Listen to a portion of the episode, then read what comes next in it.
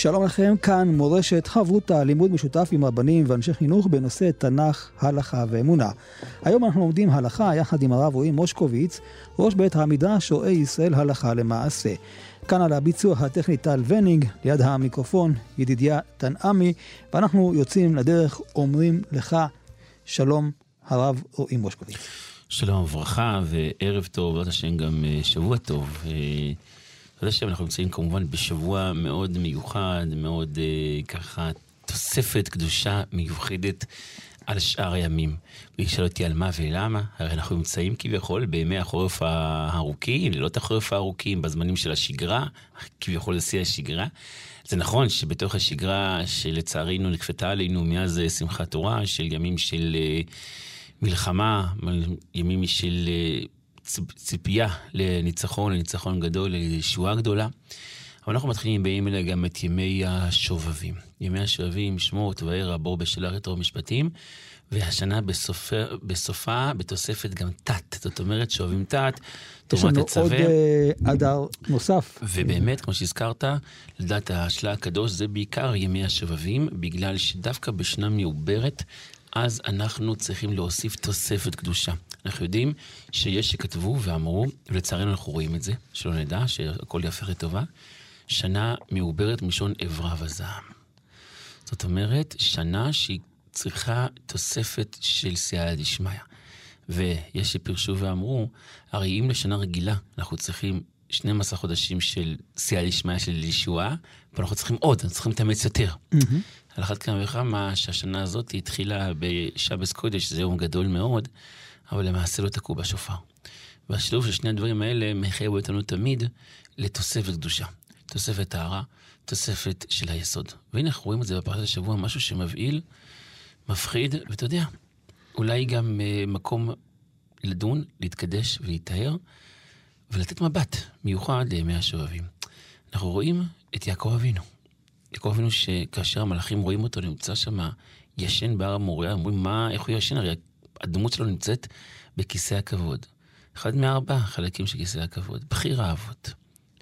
שעל פי תורת התורה הנדרשת, אנחנו יודעים שיעקב תיתן אמת ליעקב, תורת אמת נתן לנו. יעקב יושב אוהלים.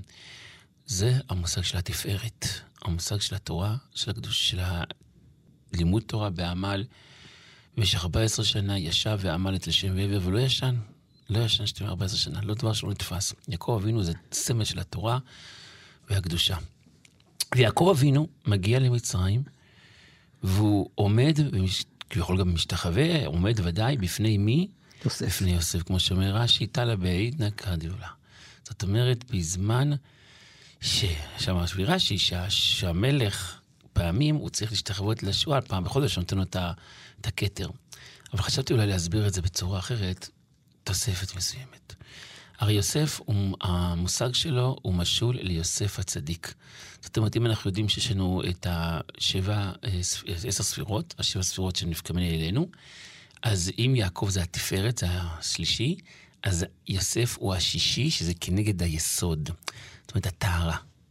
הטהרה, הכוח של הטהרה של האדם, אם זה טהרת המחשבה, אם זה טהרת העיניים, אם זה טהרת האוזניים, ואם זה טהרה כמובן של כל הגוף, כל הרמ"ח איברים שסגדים. כי אדם שנמצא פה, הוא צריך לדעת שהעיניים, האוזניים, שאר הגוף, אה, שמכוונים שעשה כנגד שעשה מצוות, אז אנחנו מבינים שכל האיברים הם כביכול שערים בשביל הנשמה. למעשה הנשמה היא הטהורה והקדושה היא חלק אלוהה ממעל. ואנחנו על ידי העיניים שלנו יכולים כביכול קצת להשפיע על הנשמה. אדם רואה דבר טוב, רואה צדיק, רואה נרות של שבת, רואה את הנרות של חנוכה, משפיע על הנשמה שלו, הנשמה שלו נתארת יותר, קדושה יותר. חילה וחס להפך, אדם רואה דבר שלא צנוע, אז חילה וחס הוא פוגם. זאת אומרת, יוסף הוא המושג של היסוד, אחרי מה שהוא עבר עם אישות פוטיפר, אבל את כל מה שהוא עבר, ודאי שהוא הצדיק, הוא היסוד. אנחנו רואים שיש זמן ויש תקופה שהתורה כביכול, יעקב אבינו צריך להתכופף לפני היסוד. זאת אומרת, לא מספיק לך התורה הקדושה שהיא מגנה ומצה בכל השנה כולה, אלא יש זמן, יש תקופה, יש ערך לכך שהיסוד בטהרתו הוא כביכול גובר אפילו על התורה, שיש, שהתורה כביכול, אותו תלמיד חכם צריך כביכול להתכופף מפני הצדיק. כי בעצם יוסף, אני חושב שהחידוש הגדול, שראינו את זה גם כבר אצל יעקב אבינו, שהוא היה אצל לבן, הוא היה בגלות עם אנשים רשעים. והוא אומר, עם לבן גרתי ותרי"ג מצוות אמרתי. ויוסף הגיע למקום הכי הכי נמוך, ואנו רואים שהיסוד זה... בדיוק. נשאר בצדקתו. אז לכן אולי יעקב כאן כביכול נכון. מתכופף כלפי יוסף. המידה של התפארת צריכה את היסוד.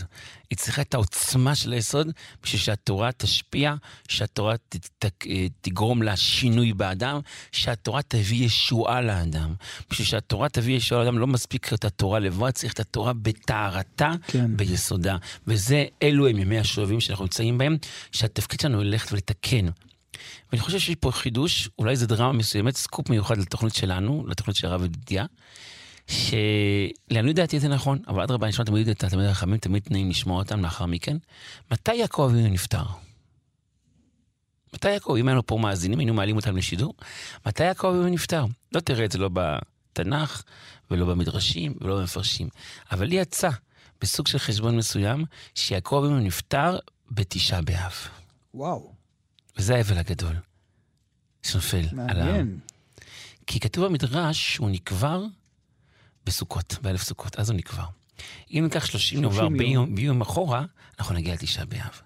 זאת אומרת, אולי אנחנו נגלה פה שאותו יום... זה התחלת הגלות גם. זה כבר התחלת הגלות.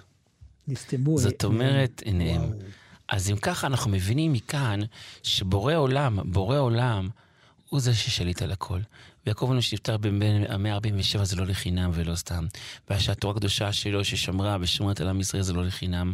ויוסף הצדיק הוא זה שלמעשה לוקח את המושכות ומוביל אותם איתנו עד ארץ ישראל. איך אני אומר עד ארץ ישראל? הרי מתי יוסף הצדיק אה, נפטר? במצרים. אז התחיל השעבוד. אומר הספרי, שש זוגות שנותם אלו כאלו. קהת ורבקה. למשל, משה רבינו ורבי עקיבא. והלל הזקן, רבי יוחנן בן זכאי, שמואל ושלמה, ומי עוד? זוגות, עוד זוג, ששנותם דומות. עכשיו, זה ברור שהספר לא חיפש פה סתם, אה, עשה אחד ועוד אחד, וזה וזה עשה השוואות, אלא בא להגיד שיש פה איזה... עניין. עניין, יש פה איזה ניצוץ, יש פה איזה חיבור. יוסף, יוסף ויהושע. יוסף ויהושע הוא למעשה, הם שניהם נפטרו בגיל 110 שנים, זאת אומרת, מגלים לנו שמה? שיש חיבור, יש קשר, גם יהושע יצא מיוסף, כן, אנחנו קוראים עכשיו מאפרים. זאת אומרת, הקשר, אולי בזכות מה אנחנו זוכים להיכנס לארץ ישראל, מה שלא זכו. יוסף הודה בארצו. גם יוסף הודה בארצו, נכון. כשאשר אמרו, אבל יתרה מזאת, יש עברי, נכון, אבל יתרה מזאת, אנחנו מבינים שמה הזכות שלנו בקניין שלנו כאן בארץ ישראל? רק הקדושה והטהרה, זה מה שמבדיל אותנו מאומות העולם. ואומר הבורא עולם, אם לא הוצאתי אתכם ממצרים, אלא בשביל שלא תאכלו שקצים ורמסים דיי. זאת אומרת, אנחנו מבינים שההבדלה בינינו לבין האומות זה לא סתם, זה לא עוד עוד. איזה, אה, הם, יש להם אה, חוכמה, הם זה, יהודים, בני אברהם, יצחק, אהבתי אותו. לא, לא, לא. התשובה היא הקדושה והטהרה. מה שיכול לסמל בשביל כולנו את הזכות של יישוב ארץ ישראל, זה אך ורק שאנחנו לא הולכים כחוקות העמים, כתאובות העמים. אתה יודע, אנחנו נמצאים עכשיו כביכול בתפר של ימים שהם ימים שיש בהם כוח טומאה מסוים. אנחנו נמצאים בין ה-25 לבין הראשון. וזה ימים שאתה לפעמים תסתובב ברחובות במקומות מסוימים, ותחשוב ותבין, ולא תבין כיצד זה קורה כאן בארץ הקודש, מקום של הקדושה והטהרה. ודי החכימה ברמיזה. ולכן צריך להיזהר מאוד מאוד בימים האלה, במיוחד איך שלא חס ושלום להתפתות, ללכת למסיבות האלה, ולא לדבר על המקרים האלה, ולא חלילה וחס לשמוח בשמחתם, כי אנחנו יודעים שכל המהות שלנו כאן, בארץ ישראל, בארץ הקודש, פה ביישוב ארץ ישראל, וכאן הכוח של הניצחון, שאנחנו כל כך מייחלים ומצפים לו, זה אך ורק ביחד, בקדושה, ננצח. לקחת הרב את העניין הזה, כבר, איך אומרים, לתשובה שחיכיתי שתגיד מאוחר יותר, אבל תמיד ההקדמה של הרב היא מעניינת ומרתקת, והפעם uh, במיוחד. ואין מוקדם ומאוחר בתורה? או, זה בכלל. אז באמת רציתי ככה לשאול וללמוד יחד היום את הנושא של חוקות הגויים, כאשר הנקודה היא כאן באמת אנחנו רואים שיעקב אבינו, כדי שהוא ישמר בסופו של דבר את עם ישראל בגלות וכדי שיחזור לארץ ישראל, הוא מקפיד על כך שיקברו אותו בארץ ישראל, ויוסף גם מזכיר להם את העניין הזה. ואנחנו רואים במדרשים שבאמת מה ששמע על עם ישראל במצרים זה העניין של הטהרה כפי שהצגת, אבל גם הדברים החיצוניים שהם בעצם משפיעים על הדברים הפנימיים. זה עניין של הלשון, זה עניין של הלבוש לפי גרסאות מסוימות. זאת אומרת שיש גם עניין נוסף של הכלי ביטוי שלנו, ההתנהגות החיצונית, שהיא משפיעה על ההתנהגות הפנימית, וגם בזה צריך בסופו של דבר לבוא ולהקפיד כפי שעם ישראל הקפיד במצרים. נכון מאוד, והנה אתה תשים לב שכבר החז"ל כבר דרשו ואמרו, בזכות מה זכו ישראל להיגהל ממצרים ולהגיע לכאן, לארץ, לארץ ישראל, וזכו בעצם למעמד מתן תורה, וגם הקיום של אה, עם ישראל, אנחנו יודעים שהרי אה, בורא עולם כשהוא ברא את הבריאה, אז הוא ברא אותה בתשרי או בניסן, אנחנו יודעים בגמרא. מפרשים, מסבירים ואומרים שעלתה במחשבתו נברו בתשרי, וברא mm-hmm. בסוף בניסן, בהי ברעם, בהי ברעם. זאת אומרת, מה המטרה, מה המהות, מה בעצם היכולת והסיבה שקדוש ברוך הוא ברא את העולם, זה בשביל עם ישראל של ניסן, שאז הם נגלו ממצרים. ומה מייחד את עם ישראל? בעצם בכך שהם לא שינו לא את שמם, לא את לשונם, יש שיגידו לא דיברו לשון הרע, ויש שיגרסו ולא שינו את אה, מלבושם. וגם מצאתי את מאכלם, שזה גם מאוד מעניין, ותכף נגיע לזה, לעניין של... אה, את האבטיחים והדגים שאכלו במצרים, תשים לב, כן. לא בשר, נכון, יפה נכון. מאוד. אבל על כל פנים אנחנו מבינים ורואים מכאן שלא שינו. ובעצם, אתה יודע, במהלך של ההיסטוריה, אנחנו נגלה מספר אה, אנשים שדיברו עברית, וזה מוזכר בתנ"ך. איפה אנחנו נראה את זה? אנחנו נראה את זה אצל בתיה, בתיה, כמו שמוזכר בדברי הימים, שקורא לו משה, ושואל הרמב"ן, מה זה משה? הוא מוכיח מכאן הרמב"ן שבתיה הייתה גיורת, או עמדה להתגייר, ולכן היא דיברה לשון עברית. משוי. משוי מן המים, כי מן המים השיתיהו. אנחנו נראה את זה גם אצל רב שקה, רב שקה, רב שקה, שר הצבא של אשור. כאשר הוא בא לאותם יהודים ואומר להם מה שהוא אומר, הוא מדבר דברי נאצה ודברי כפירה, אומרים לו היהודים, אל דבר איתנו יהודית, דבר איתנו אשורית. זאת אומרת, אתה ישראל, אומר רש"י, מכאן שהוא דיבר, הוא אמר, והוא דיבר עברית, הוא מכאן שהוא היה ישראל מומר. זאת אומרת, שר הצבא של אשור היה יהודי מומר שבא להחריב בבית המקדש, בסוף הוא לא, כמובן שלא הצליח, ומה שקרה לרב שקה. על כל פנים, רואים מכאן. שיש לנו כביכול מבט מסוים. אנשים שמדברים, אנשים שמדברים עברית, זאת אומרת, אנחנו לא מדברים סתם על עמך, כן, עכשיו שלומדים בדרום קוריאה איזה שפה באוניברסיטה, אלא כאשר התורה מציינת שהוא דיבר יהודית, כמו שמוזכר, בהכרח שמדובר פה ביהודי, יהודי או גר וכדומה. רואים שהלשון היא מאוד חשובה, השפה היא מאוד חשובה. היא מגדירה את האדם. נכון, אבל יתרה מזאת, אני רוצה להוסיף משהו. הרי אנחנו יודעים כאשר אה, יוסף אומר לפרעה, מה שהוא הבטיח ליעקב אבינו, לקבור את אה, אביו בארץ אה, ישראל, אז אומר לו פרעה, למה שנשמע? מה, כאילו, מה פתאום שתעזור? אומר לו, נשבעתי. אומר לו, נשבעת, יפה מאוד, תבטל את השבועה, אפשר לבטל שבועה, קורא לחמים, אפשר לבטל שבועה. אומר לו, יוסף, אם ככה גם אני אבטל את השבועה שנשבעתי לך. מה השבועה? השבועה היא שפרעה ידע 70 לשון, אבל יוסף הצדיק ידע 71 לשון, שזה כמובן לשון הקודש. נשאלת השאלה, פרעה, לא יודע אם הוא היה כזה אדם מלומד, לפי המדרש כתוב שהוא היה גבוהה עוזרת, הוא אננס, לא היה אדם כל כך מרשים, אבל ברור שנתנו לו כוח, פרעה זה כוח הרשע, כן? זה לא אדם, זה לא היה פיזי או משהו, הוא היה פרא אדם הרי. הוא אדם שחייב לאבד מן העולם, אבל כמובן שנתנו לו כוח בסדרה אחת, נתנה לו סוג מסוים זמן של כוח. פרעה הרשע, יימח שמו.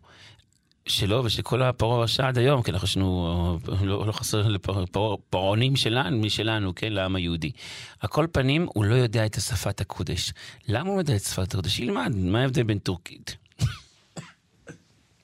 בין אמרית או שאר השפות. אלא הפירוש הוא כמובן שלשון הקודש יש לה איזה כוח מסוים שלא יכול להיתפס. בכל אחד, בכל בן אדם.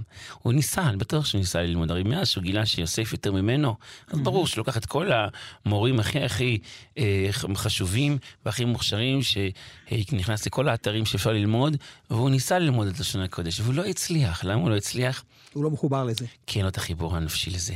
השפה זה החיבור, עד כדי כך שהיום דנים הפוסקים, האם אדם יכול להתפלל ולבקש, למשל חסר לו מזגן. אין לו מזגן. אז האם יכול להתפלל לקדוש ברוך הוא ולבקש מזגן? או שמא? לא, למה לא? אז ראיתי שמביאים בספרים שהסיבה היא שלא, כי מזגן זה לא שפה, מה זה, מה זה מילה מזגן?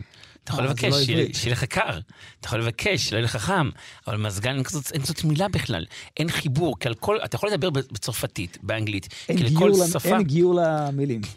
נכון, מעניין. ועוד נושא, שלכל שפה יש את המלאך שלה. לטורקית יש את המלאך של הטורק, בסדר, זה המלאך, זה דרכו אפשר להעביר את התפילה. דרך האמהרית אפשר להעביר, או דרך כל שפה אחרת, עתיקה כלשהי. אבל המילים שימצאו עכשיו, אקדמיה ללשון, עם כל הכבוד והערכה, אין להם את, אין להם את המשמעות. אין את המשמעות, ולכן, אנחנו, כמו שאנחנו יודעים, עד כדי כך, שאנחנו מברכים ברכה למשל. בורא נפשות רבות, חסרונן. או, אז הרב ידידה, כמובן שהוא דייקן, אומר וחסרונן. המפרשים אומרים לא כך, אומרים וחסרונם. מה הוויכוח וחסרונם? אז רבי ידידיה וחסרונם, לשון נקבה, רבות, נפשות. כן. רבות. וחסרונן, מסתדר. אבל אומרים המפרשים, וחסרונן זה בא- בארמית. פורקן, חסרונן. בשמיים לא מבין, כביכול לא מבינים ארמית, אין, אין מלאך לארמית. ולכן וחסרונם, אז נמצא בזה מחלוקת הפוסקים מאוד גדולה, כיצד לומר. זאת אומרת, אנחנו מבינים מכאן שהמילים שאדם מוציא מהפה, השפה שלו. השון יש לה משמעות גדולה מאוד. לכן צריך להיזהר מאוד. ואם אדם חלילה וחס אה, אה, נכשל בלשונו, יעשה תשובה ויתכפר לו. אנחנו יודעים ככל שמרבים בלדבר בדברי תורה, אז ממילא מכפרים דברים אחרים. עכשיו אני גם מבין למה המימרה הזאת שגורסת את, שלא שינו את שמם, לא שינו את לשונם ולא אמרו לשון הרע, זה מתחבר. לשון הרע זה לא עברית. חברותה עם ידידיה תנעמי. חברותה כאן אה, במורשת, אנחנו עומדים על העניין של חוקות הגויים, ופתחנו בעניין של אה, אותם שבטים שהיו במצרים שלא שינו את שמם, לבושם, לשונם, ואני מנסה יותר ללמוד לעומק את העניין הזה מבחינה הלכתית. אנחנו הרי יודעים שיש דברים שעם ישראל אסור לאכול אותם כשהם נמצאים אה, מעורבים עם הגויים, זה בת נוכרי, יין נסך, חלב נוכרי וכדומה. כלומר, זה עניין שבעצם לבוא ולגדור את עם ישראל, לבוא ולהתקרב אל הגויים, ובסופו של דבר לבוא ולהתחתן איתם. האם גם העניין הזה של השם, לבוש והלשון, זה אותו עיקרון הלכתי? נכון מאוד, ובאמת, המעיר פה הערה מאוד מאוד נכונה, וגם מאוד מצויה. לא פעם ולא פעמיים, אנחנו נשאלים בשאלה הזאת ובשאלות האלה, מה קורה? האם מה הדין חלב עקום? עקום כמובן עם כף ולא עם קוף. למרות שגם עקום אולי מבחינה הלכתית, אבל לא גם עקום מבחינת של עובדי כוכבים ומזלות. מה קורה עם חלב עקום? מה קורה עם אבקת חלב עקום? אנחנו יודעים שיש הכשרים שנותנים להם הכשר, ויש מקומות שלא. כאן אנחנו מכירים את הסוגיה. האם הבעיה היא בגלל שמא יערבבו בזה את החלב הנעקה של הגמל, של הגמלה, או שמא אה, הסיבה היא בגלל שהקירוב של האכילה. אנחנו רואים את זה לאורך כל הדרך, שחז"ל מאוד הקפידו בנושא של האכילה, שכי האכילה מקרבת. האכילה זה הדבר אולי בעצם שהכי מחבר בין האנשים. אם נתבונן ונשים לב, אנחנו נראה שחז"ל הקדושים הטהורים לא אסרו לנו לעשות מסחר עם הגוי. אה, אין שום לכאורה בעיה. זה מקרב. נכון. אנחנו נמצא שבתקופה הזאת, בשלושה ימים האלה שאנחנו נמצאים בהם עכשיו, אולי יש בעיה מסוימת הלכתית באמת לעשות מסחר, בגלל שנקרא יום אדם. ויום אדם, הם משבחים את העבודה הזרה שלהם, ולכן יש בעיה גם לגבות מהם חובות, כי סוף סוף הם נהנים מזה שהחוב נגמר. למרות שיש מושג, שיש פוסקים שאומרים, הרי סוף סוף אתה מציל מידם, אבל ודאי לא להלוות להם, ולא לעשות כן. את המסחר. ולכן תקנו את הימי חופש בבורסה בימים האלה, כי כן, כי זה בעיה לעשות מסחר בימים כאלה, משום יום אדם. Uh, על כל פנים, אנחנו נמצא, נמצא למדים שמסחר אין בעיה. לעשות עם הגוי, אדרבה, יותר. מזה, גם מותר לעשות שותפות עם גוי, נכון? שותפות כתוב, אמנם שהשם פרץ את אכסיה בגלל שהוא היה שותף עם אה, מישהו רשע. ולכן תמיד טוב שהשותף שלך יהיה קדוש וטהור. שים לב שהרבה פעמים באים לגדולי ישראל ומבקשים בוא נהיה איתכם שותפים. מה, מה יש להם, כאילו, כמה הם אוחזים את ההבדלים בין...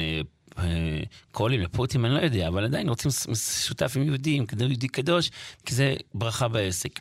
אבל כמו שהזכרת, אין בעיה לעשות שותפות, אדרבה. מצאנו בזה פתרונים, פתרונות הלכתיים, למשל לגבי בכורה, בכור של פטר חמור, אנחנו שותפים עם גוי וזמל פטור מפטר חמור, ובעוד מקרים, למשל מעשרות ועוד, אנחנו נראה שבת, אנחנו נמצא שהפתרון הוא שעל ידי שותפות עם גוי, אז אם כן אין בעיה, אין מניעה. אבל אכילה כן. לא לאכול עם הגוי, להתרחק ממנו, לא לאכול באותו שולחן איתו. אה, כמובן, כמו שהזכרנו, פת נוחי, הזכרנו אה, חלב עקום. זאת אומרת, האכילה מקרבת ויוצרת חיבור וקשר בין האנשים, ועל אחת כמה וכמה, כאשר מזמינים לבית, מזמינים לבית, אז יש קרבה משפח, כבר של המשפחה, ויכולים להתערבב, הנושא של התבוללות, שזה דבר חמור, איום ונורא, ש, אה, שצריך להיזהר ממנו, וכמובן, זה דבר שצריך לדבר עליו בפני עצמו. אנחנו נמצאים בתקופה שההתבוללות בארץ ישראל, אני לא מדבר על, על uh, פנמה, ואני לא מדבר עכשיו על לוס אנג'לס, אני מדבר ועל וגאס. אני מדבר פה על ארץ ישראל, על ערים שלמות, שיש לפחות עשרות אחוזים של התבוללות כאן בארץ. זה יהודים, יכול להיות עם פיליפינים, הדברים הכי הכי הכי הזויים, mm-hmm. דברים שקורים ומתרחשים. ואני גם דיברתי על זה באחת הוועדות לענייני גרות. אה, דיברתי ועוררתי את הנושא הזה כמה שיכלתי. אה, זאת השם קריבות לנו כוחות ונוכל להשפיע עוד יותר. אבל הדבר הזה צריך לשים לו אה, איזה פתרון, צריך למצוא לו פתרון, או בבחינה של הגיור, או בבחינה של החינוך, אבל חייב שיהיה פה פתרון, כי אנחנו יוצרים פה ממש שני עמים בארץ אחת, וזה בעיה. ואם אנחנו נחזור להיסטוריה, במצרים זה לא היה. שלומית בדברי, אומרים חז"ל, כי רק היא אה, מה שעשתה עם גוי. אבל שאר הנשים היו קדושות וטהורות בזכות השמירה של הקדושה והצניעות שהייתה בהם, בזכות זה הם ניצלו. ויתרה מזאת, הזכרנו בעבר, שמביאים המפרשים, מביא את זה כמובן אה, הרב. הרב, הרב מסלונים, אה, בספרו נתיבות שלום. הוא מביא למה הגיעה השרה, למה שרה, אימנו, נלקחה לפרעה. איפה זה? מה הסברה בזה? הרי שרה ואברהם אבינו לחשוב, אברהם לא ראה אותה בכלל. הנה ידעתי שכישה יפה מראה את. זה אחרי שהוא הלך מאיפה? מבאר שבע לחרן זה מהלך של איזה 100 קילומטר, הוא לא ראה אותה כל הדרך, צניעות. יש שרה? יש שרה באוהל. אז למה היא כביכול הגיעה לכזה ניסיון? שפרעה הרשע ישווה אותה. מה הסיבה? לנו לדורות? אומר הברב מסוים, בשביל, בשביל, היה צריך לתקן את המקום הזה, להוריד שם את הקדושה, את המסירות נפש של הצניעות. והיות שהברית בארץ שמודה שבניה עתידים להגיע למצרים ולעמוד בניסיונות, הוא היה צריך להביא את שרה שתעמוד שם, ואחרי ששרה כבר פתחה את השביל, זהו, כבר, הדור כבר יכול ללכת אחריה. וזה יוסף מצליח. וזה יוסף הצדיק, נכון מאוד. זאת אומרת, אנחנו צריכים לדעת שרק הקדושה והטהרה זה מה שיכול לשמור על עם ישראל. וגם בכל מקום שנמצאים, גם בזמן המלחמה צריך לדעת את זה.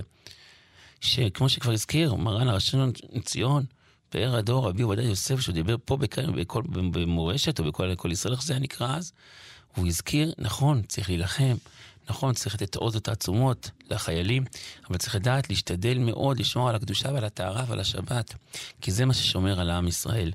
ולכן אנחנו צריכים לדעת שאם אנחנו נמצאים במהלך של קדושה, של טהרה, אז יהיה גם ניצחון. מעניין הרב, הזכרת את שרה וזה ככה הזכיר את יוסף, שאחד הדברים הבולטים שם זה העניין של הבגד. וזה מה שדיברנו, שהוא שם על לבושו. נכון מאוד. בעצם זה מתחיל כבר מקטונות הפסים. כן. כאשר קטונות הפסים שיעקב אבינו תופר, בשביל מי הוא תופר את הקטונות הפסים? בשביל יוסף.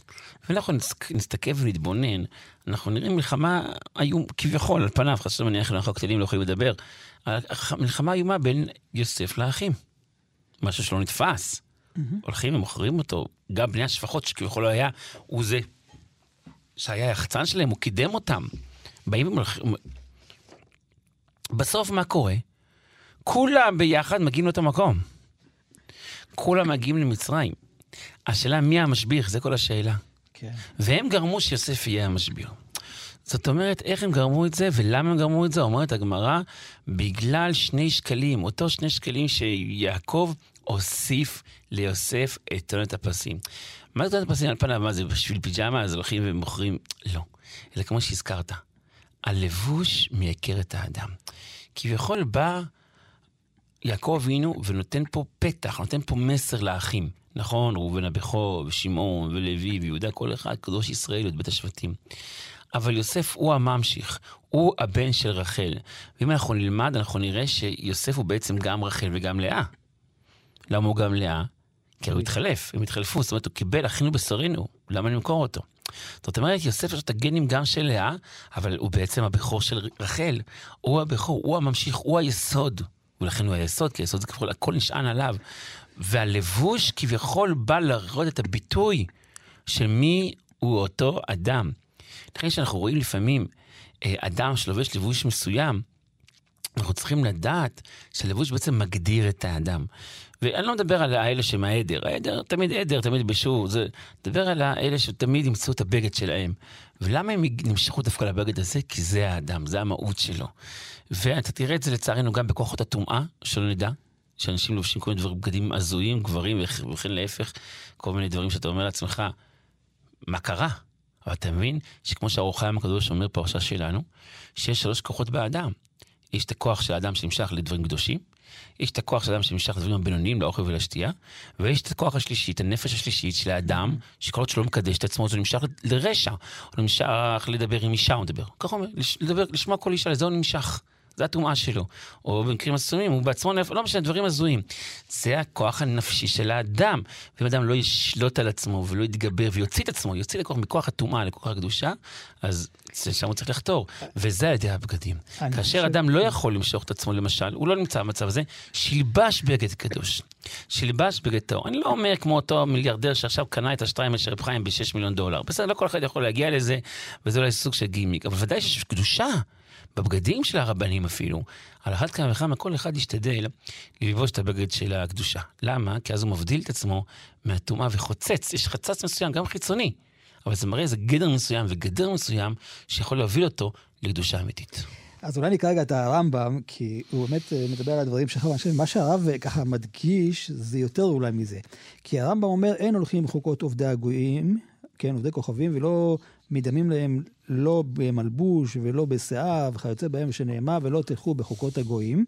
ונאמר בחוקותיהם לא תלכו, ישמע אליך פן תנקש אחריהם, שלא ידמה להן אלא יהיה הישראל מובדל. פה אולי הנקודה שהרב דיבר על זה.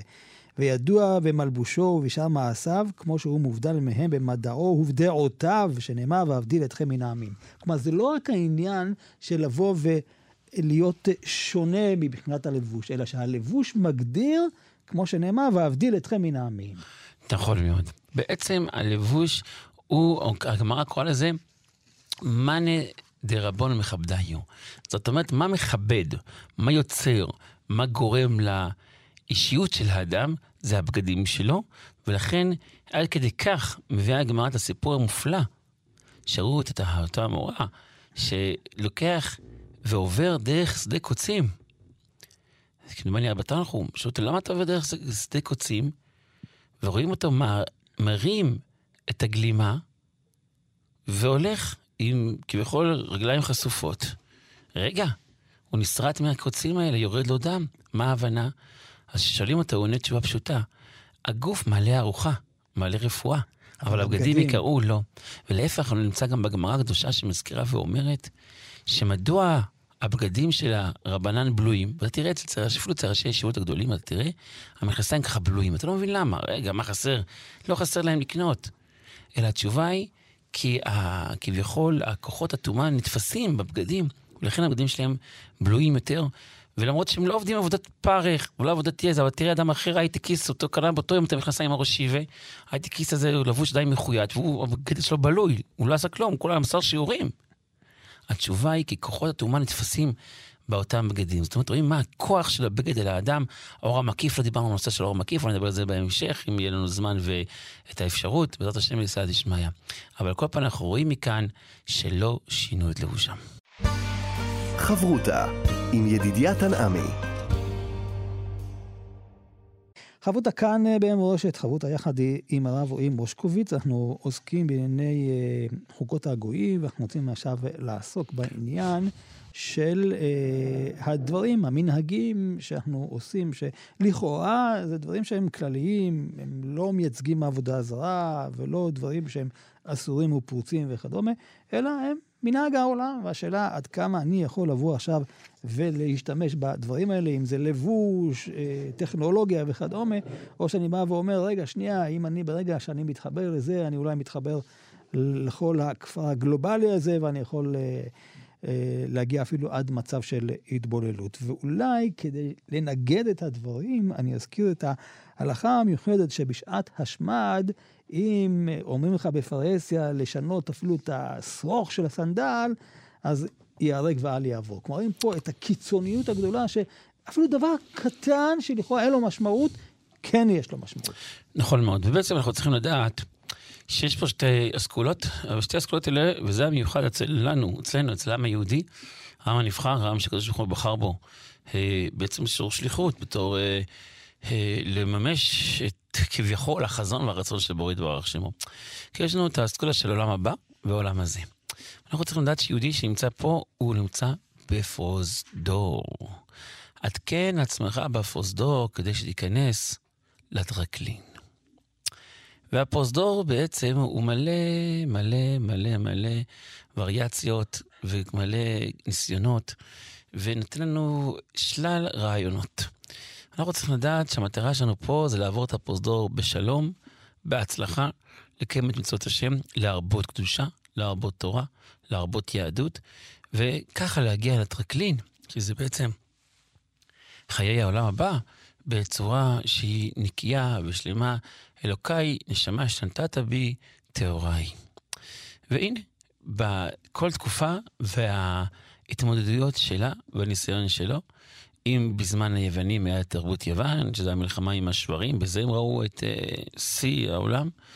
ולאחר מכן ראו דווקא uh, דברים של השכלה, ספרים, ספרות, תרבות, הצגות, מחזמר, זה היה שיא הפאר, ומי שהיה במחזמר יעין ומי שלא לא. אז היום יש לנו את כל הנושא של הסייבר, של הטכנולוגיה, של התקשורת, של המחשבים. יכול להיות בעוד 10-20 שנה יסתכלו לנו בצורה מוזרה, זה, בזה התעסקתם, באיזה מחשב. היום יש כבר גלי קול דרך העיניים, דרך האוזניים. לא יודע לאיפה יגיעו מדע בדיוני, הרי אין לזה סוף, וכל אחד יכול לעיין בספרים שמדומיינים מכאן ולהבא. אבל הנה, זה התקופה עכשיו, והתקופה עכשיו זה התקופה. מי שיש לו, אז הוא בתקופ, בעניין, ומי שנכנס לגוגל ומגגל את עצמו בלי סוף, אז הוא העניין, ומי שיש לו את כל הדברים המשונים האלה, שאני חושב שאם אדם קצת, קצת יצא מהמקום הזה ויסתכל על זה מבחוץ, כל הסטטוסים, והקשקושים, והתמונות, ואינסטגרם, דברים כאלה שאתה אומר לעצמך, רגע, אחרי אותו אדם עקבת אדם, מי הוא בכלל, מה הוא, בדקת אחריו, מיליון עוקבים, שתי מיליון עוקבים, חמישים מיליון, רגע, מי, מה... זה, זה השגעת, זה המשוגעת של השנה, של התקופה הזאת, ומי שלא שם, אז הוא לא נחשב, כי זה לא, אתה לא בשיגעון שלנו, מה נעשה? וזה בעצם היהודי. פה נכנס היהודי, פה נכנס התורה, פה נכנס הקדושה, שאומרת לך, הקדוש ברוך הוא ברא את העולם בששת ימי המעשה, אז הוא המציא את היש מאין, ומאז אין חדש תחת השמש. תקלוט. ואיפה גילינו את זה? בשביל לאוקטובר. בשמחת תורה להבדיל, גילינו את זה, שאין חדש תחת השמש. יכול להיות אנשים שהם עכשיו, בדור שלנו, וממה הם נהנים, ששם ישמור הם נהנים מלהכניס תינוק לתוך תנור רותח. זה הם נהנים. לא השתנה כלום מלפני אלפיים, שלושת אלפים, חמשת אלפים שנה מאותם רוצחים מתאבים, אותו פרעה הרשע שנהנה לרחוץ בדם התינוקות, היינו מספרים את זה לאנשים, היו חושבים שאנחנו לא נורמליים. אבל לא, לא השתנה כלום. אנחנו עדיין נמצאים באותו אדם, אדם פרא, אדם עיר, אותו הנאה יש לאותו אדם שיש לפרעה הרשע שהיה בעל ענב ורצה דברים מסוימים שהיום אנשים מתגאים בהם. הוא גם היה אוהב, למשל, להתרחץ בדם של תינוקות. וזה מה שקורה היום, שאנשים מזה הם נהנים. למרות כל התקשורת וההייטק וכל הקשקשת שמסביב. כי בורא עולם יודע בדיוק מיהו האדם ומהו האדם. ועל זה בן אדם צריך להתאמץ ולעבוד על עצמו. ולכן, כשאתה שואל אותי איפה רחוקות האגמים ואיפה לא, התשובה היא כן, הכל כן והכל לא. זאת אומרת, לשם מה המטרה?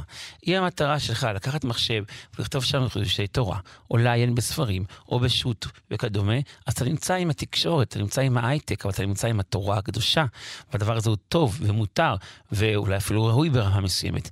אבל אם אתה נמצא ומשתמש באותה טכנולוגיה לדברים שהם אסורים, אז זה אסור. זה בעצם כמו מאכל, כמו משתה, לשם מה אתה אוכל? כבר רבותינו הקדושים והטהורים לימדו אותנו שאדם יכול כל היום ללמוד תורה וכל היום להיות עבד השם. איך זה יכול להיות? כי הוא אוכל לשם מטרה קדושה, הוא שותה. הלל הזקן, רואים אותו תלמידה, אומרים לו, לאיפה אתה הולך? לאיפה אתה רץ? אומר להם, הלל הזקן, אני הולך לקיים מצוות בורי. לאיפה אתה רץ? לא רואים אותו לא עם ספר, לא עם גמרא, לא עם שום דבר. לאיפה? רואים אותו עם, בגד, עם בגדים ועם סל של כביס, של רחיצה. אומר, כן, אני הולך לשטוף את גופי, שהגוף הוא יציר של הבורית דבר שמו, לשם כך אני מקיים עכשיו מצווה מאוד גדולה. זאת אומרת, אם אתה משתמש בגוף וברחיצה ובאכילה ובשתייה לצורך הבורית דבר שמו, אז אתה כן, אתה במקום הנכון. אם אתה משתמש במחשב לצורך זה, בתקשורת, אתה נמצא במקום הנכון. הנה, אנחנו נמצאים פה, משתמשים כביכול בכל החידושים של הייטק, לא כמו פעם שהיינו משדרים עם כל סלילים וכדומה, היה צריך שיום יומיים שלמים לפני זה לתכנן שידור. היום אנחנו באים, משדרים על המקום. למה? בזכות מה? הדורת ברוך שמו רצה שהתורה הקדושה תתפשט כמה שיותר. אם זו הדרך וזה הטוב, אז בזה אתה מקיים את המצווה. אבל אם אתה משתמש בזה בדברים אחרים, שליליים, אז כמובן לא ולא ולא. אם זה משהו שהוא נמצא באמצע, למשל לבוש, אה, אין לו הגדרה אה, של כלי דווקא לעבוד את השם. ואנחנו יודעים שהלבוש הזה הוא לבוש שנמצא בכל העולם, אפילו ההזמנה שלו, כן? אתה לא בא לחנות, היום אתה קונה הכל דרך האינטר, דרך חברות, אה, חברות עולמיות. האם יש בעיה לקנות בגדים כאלו, שזה נראה יפה וצנוע, אז הזכרת ופתחת בדברים שהלבוש הוא לא משמש כלי, אז בוודאי שגם כמה הלבוש משמש ככלי לעבודת הבורית בארך שמו, אם אנחנו מדברים למשל על ציצית. על טלית, זאת אומרת, יש בגדים שמה שהכשיר מצווה לכל טוב, דבר. זה משהו אחר. כן, וגם בגדים רגילים. אותו בגד יכול להביא ליראת שמיים. האמת היא נכון, אנחנו מברכים על אה, לבישת הבגדים כל בוקר. נכון, מכוונים על זה. עוזר ישראל, יותר ישראל, עוזר ישראל בגבורה, וגם בנושא של סליקות צורכי, כן. בכמה מקומות. זאת אומרת, אנחנו מבינים מכאן שהבגדים יש להם משמעות מאוד מאוד גדולה, מאוד מאוד נכונה, מאוד מאוד אמיתית. ותשים לב, ותראה שאותו בגד שאדם ילבש אותו, אז יהיה בו, יתעורר בו ליראת שמיים. אם זה בגד שהוא, כמו שהזכרת, אה, ראוי ללבישה בצורה מסוימת, ומה שאין כן, בגדים מסוימים שיש להם מטרה. ואתה יודע שיש גזרות מסוימות שהמטרה שלהם היא מטרה מאוד מאוד מוצהרת. ואדם לובש את זה, המטרה שלו כמובן להכשיל ולטמא ולגרום אה, אה, דברים שהם אסורים וחמורים מאוד. לכן מאוד מאוד חשוב הביגוד, הבגדים שלובש אותו האדם. יתרה מזאת, אנחנו יודעים, אני חושב שהזכרנו את זה מקודם, ככה בדרך אגב, שבגד שלבש אותו מישהו, אחר כך יש מעלה, וכן להפך. אנשים לוקחים בגדים יד שניים, בסדר, ידם אין לו, שייקח, אבל צריך לפעמים לחשוב מי לבש זה לפני זה. האם בגד הזה... איזה קדושה נכנסה. האם, איזה קדושה או להפך, האם אדם שהוא לא, שעשה בזה דברים חמורים, וכביכול הבגד ספג את הדברים האלה, ואל תשאל אותי מה, וכי בגד סופג? התשובה היא כן, והראיה היא בתי חולים, שאנחנו רואים שהקירות סופגים את החיידקים, במקומות מסוימים לא מנקים שם, זאת אומרת, אנחנו מבינים שיש לדומם גם, גם, גם, גם, גם מצב של אה, לבישה, של תופעה, של קיבול, של נתינה. ולכן כן הייתי ממליץ לכל בן אדם לבדוק מה המלתחה שלו. אילו בגדים יש לו, איזה בגדים יש לבני ביתו, כי אדם צריך לדעת גם שעל בני ביתו, שיש לו השפעה עליהם, גם עליהם הוא מחויב. וחשוב מאוד מאוד שהבגדים יהיו ראויים ללבישה, יהיו ראויים ליציאה, וגם בבית, והחידוש הוא שגם בבית. אני נשאל לא פעם ולא פעמיים שאלות, שאני חושב שהם באים אולי מתמימות מסוימת, אבל אה, השאלה היא כמובן צריכה בירור. ואנחנו מבינים, ברוך כבוד השם מקומו, ומלוא כל הארץ כבודו. זאת אומרת, אם ניגש יהודי ושואל, האם מותר ללבוש או לא ללבוש, או לא להתלבש בבית וכדומה, אתה מבין שיש לו פה בעיה מסוימת במושג שמלוא כל הארץ כבודו. ומי שילמד את ההלכה, הדרכה מפורשת, שולחן ערוך, משנה ברורה, איך להתלבש, מתי להתלבש, כיצד להתלבש. הוא מבין שלבגדים יש משמעות, ולכן גדולי ישראל מאוד הקפידו שאדם, אפילו ילד, ילבש בגד ארוך, חולצה ארוכה, ולא חצי, ולא שלושת ולא חאקי. למה? אנחנו יודעים שיש בזה גם עניין של אה, לטול ידיים, אבל יתרה מזאת, על פי הספרים הקדושים מובן שיש אור שמקיף את האדם, והאור הזה כביכול צריך ללכת ולשמור אותו. אם לא נשמר אותו, הוא יברח. איפה האור הזה נמצא סביב הגוף של האדם? ככל שהוא מוקף בביגוד, אז האור הזה נשמע והוא קדוש וטהור. עכשיו, אם אה, מדובר על בגדים שהם אה, מציינים, אה, למשל, חכמי אומות העולם, יכול להיות אפילו ש... כהני דת וכדומה, ואנחנו מתלבשים כמותם. יש הרי לבושי רבנים שהם דומים במקצת למה שמוצאים אצל הגויים. האם יש עם זה בעיה? אז יש שאלה מאוד נכונה ומאוד אמיתית, ואנחנו נשים לב ונראה, למשל שהבגד הארוך שהיום לובשים אה, רבנים, פרק או חסידים לובשים את זה, זה כמובן, לחלק מהפוסקים, מי שלא לובש את זה, עובר איסור. וזאת למה? כי בזמן ההשכלה, אז הפריצים שם חייבו את היהודי להתלבש כמו הגויים בחליפה קצרה, בלי זקן וכדומה. ולכן, לדעת החזון איש יש חובה היום ללבוש, כל אחד ילבש את הבגד הארוך הזה. גם בעיה של במעלות לתעלו, כן, של צניעות. אבל לא אומרים השתנה הדור ועכשיו המושגים הם אחרים. זה נכון מאוד הראייה שלך, אבל אנחנו צריכים להבין שגם שהשתנה, והשתנו, האופנה השתנתה, אדם לא יכול ללבוש עכשיו את השמלה הזאת שלבשו בעבר. זה נכון מאוד, אבל עדיין צריך ללכת על פי האופנה בכללי היהדות. כן. זאת אומרת, אם אנחנו, אה, כמו שהיום יש חליפה דאבל, חליפה סינגל, חליפה, בסדר, אז אנחנו ניכנס לזה בכמה כפתורים תלבש. יש כאלה שיורדים לרזולוציה האלו, וזה בגור, זה לא בא מכובד ראש, זה באים לפעמים מכל מיני אה, סיבות של שתלטנות. אבל על, על המסר, המהות, המהות צריך להיות... שיהודי לובש למשל שני כיסויים, אז יש לו כיפה, יש לו כובע, שני כיסויים, יש כדי, במיוחד בברכות, בתפילה, כנ"ל, בברכה, ללבוש ג'קט, ומביא הארי הקדוש, מה בשם הארי הקדוש כנומני, שההבדל בין ברכת המזון בארץ או בחוץ לארץ, מה ההבדל? האם ללבוש מעיל? הוא אומר, כאשר אתה מברך ברכת המזון בחוץ לארץ, יכול גם בלי מעיל. אבל כשאתה בארץ ישראל, השכינה כנגדך. איך אתה יכול לברך ברכת המזון בלי מעיל?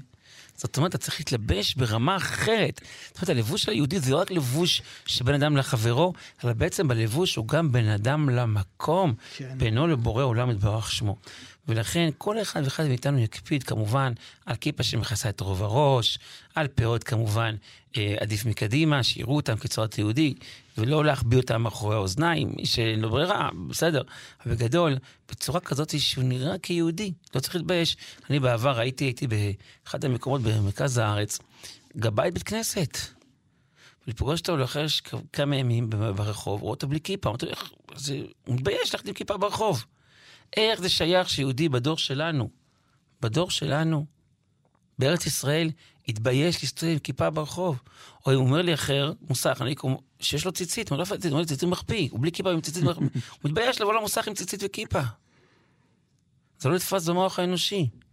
אם אתה מסתובב כמו, לא, תתבייש, אתה מסתובב עם חולצות קרועות, ג'ינס, אדם הולך עם כיפה וציצית, זה המטרה, זה המסר. זה נכון שיש ניסיונות לאדם, זה נכון שאנשים מנסים ככה לגרום לשני חלישות, אבל אדם צריך להתחזק, ואיש את רעהו יעזורו, ולאחיו יאמר חזק. אז לפני שנפרדים, אני רוצה להדגש, לאתגר את הרב, ואולי הגיע הזמן שהרבנים יעשו איזו ישיבה, ו... יבנו, הרי ברוך השם אנחנו נמצאים בארץ ישראל, יש הרבה אנשים שהם אה, מעצבי אופנה, אולי לעצב את הדמות היהודית, ההלכתית. נקרא לזה הישראלית היהודית, ולא מה שככה הבאנו איתנו מהגלות. הערה מאוד נכונה ומאוד אמיתית, אבל זו שאלה שהיא גם יכולה להיות גם על נוסח תפילה, ועל מנהגים, ועל פסח, ועל סוכות. זה כבר מתחיל מסובך קצת. נוסח תפילה זה כבר מטבע שטבעו בו חכמים וכדומה. לבוש זה עניין של עם מה שבאנו. נכון מאוד. תשים לב שגם היום, אחרי שהגענו מכל מיני גלויות, מכל מיני מקומות לעולם, וכולם כיוונו לאותו מקום.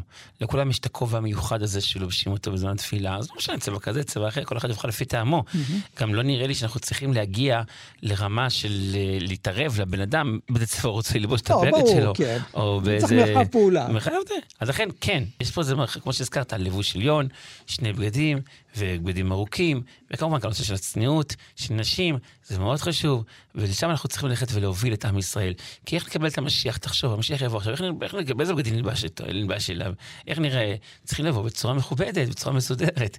אז לכן, בורא עולם נתן לנו את האפשרות להתלבש, ללבוש, בעבר זה לא היה בזמן אדם הראשון, לאחר מכן זה התחדש.